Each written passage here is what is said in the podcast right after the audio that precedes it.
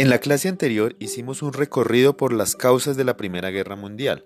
Hablamos de la revolución industrial, el imperialismo y la creciente rivalidad del imperio alemán hacia otras potencias europeas como los principales determinantes de la Primera Guerra Mundial, siendo la muerte del archiduque austrohúngaro Francisco Fernando la chispa que iniciaría la guerra. Esta semana hablaremos sobre los principales episodios que marcaron el desarrollo de la Primera Guerra Mundial. Bienvenidos.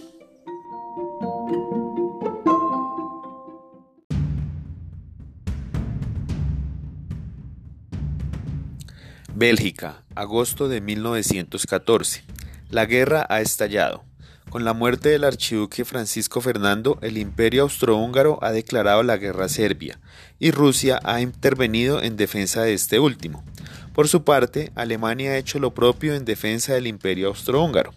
Finalmente, la tensión que se había vivido años anteriores se ha materializado en una serie de encuentros bélicos entre las potencias europeas. Las dos principales escenarios de guerra son el frente oriental, en donde Rusia se enfrenta con el imperio austrohúngaro, y el otomano, que se ha unido a la guerra en favor de Austria y Hungría. El otro escenario de guerra es el frente occidental, en la frontera entre Alemania, Bélgica y Francia.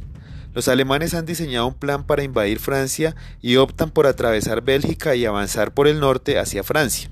La invasión a Bélgica implica que la Gran Bretaña se una a la guerra en defensa de este país.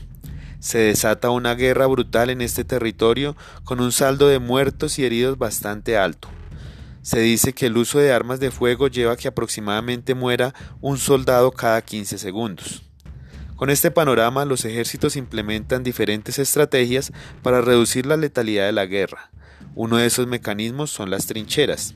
Se construyen cientos de kilómetros de pasadizos subterráneos en donde los soldados se protegen para evitar los ataques frontales.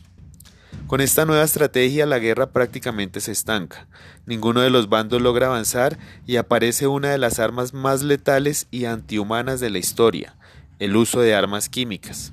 Los alemanes atacan a los militares franceses y de la Triple Entente con gas de cloro y muchos mueren asfixiados por estos gases tóxicos. Alemania logra avanzar con esta estrategia hasta que son detenidos en territorio francés. El poderío de los aliados y de la Triple Entente es superior y hacen retroceder a los alemanes. Uno de los hechos que marcaría un nuevo rumbo en la guerra sería el ataque de Alemania al barco transatlántico de origen británico llamado Lusitania en 1915, una embarcación gigantesca que habitualmente transportaba pasajeros y mercancía.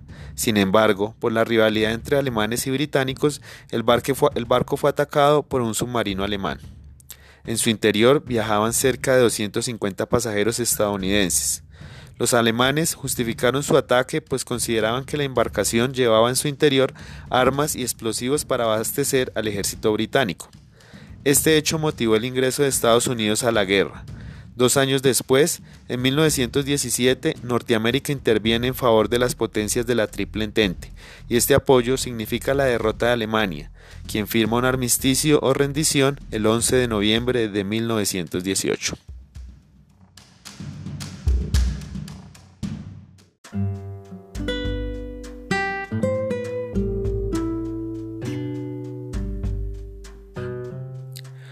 En la próxima clase hablaremos de las consecuencias de la Primera Guerra Mundial y de lo que significó para Alemania esta derrota. Hasta pronto.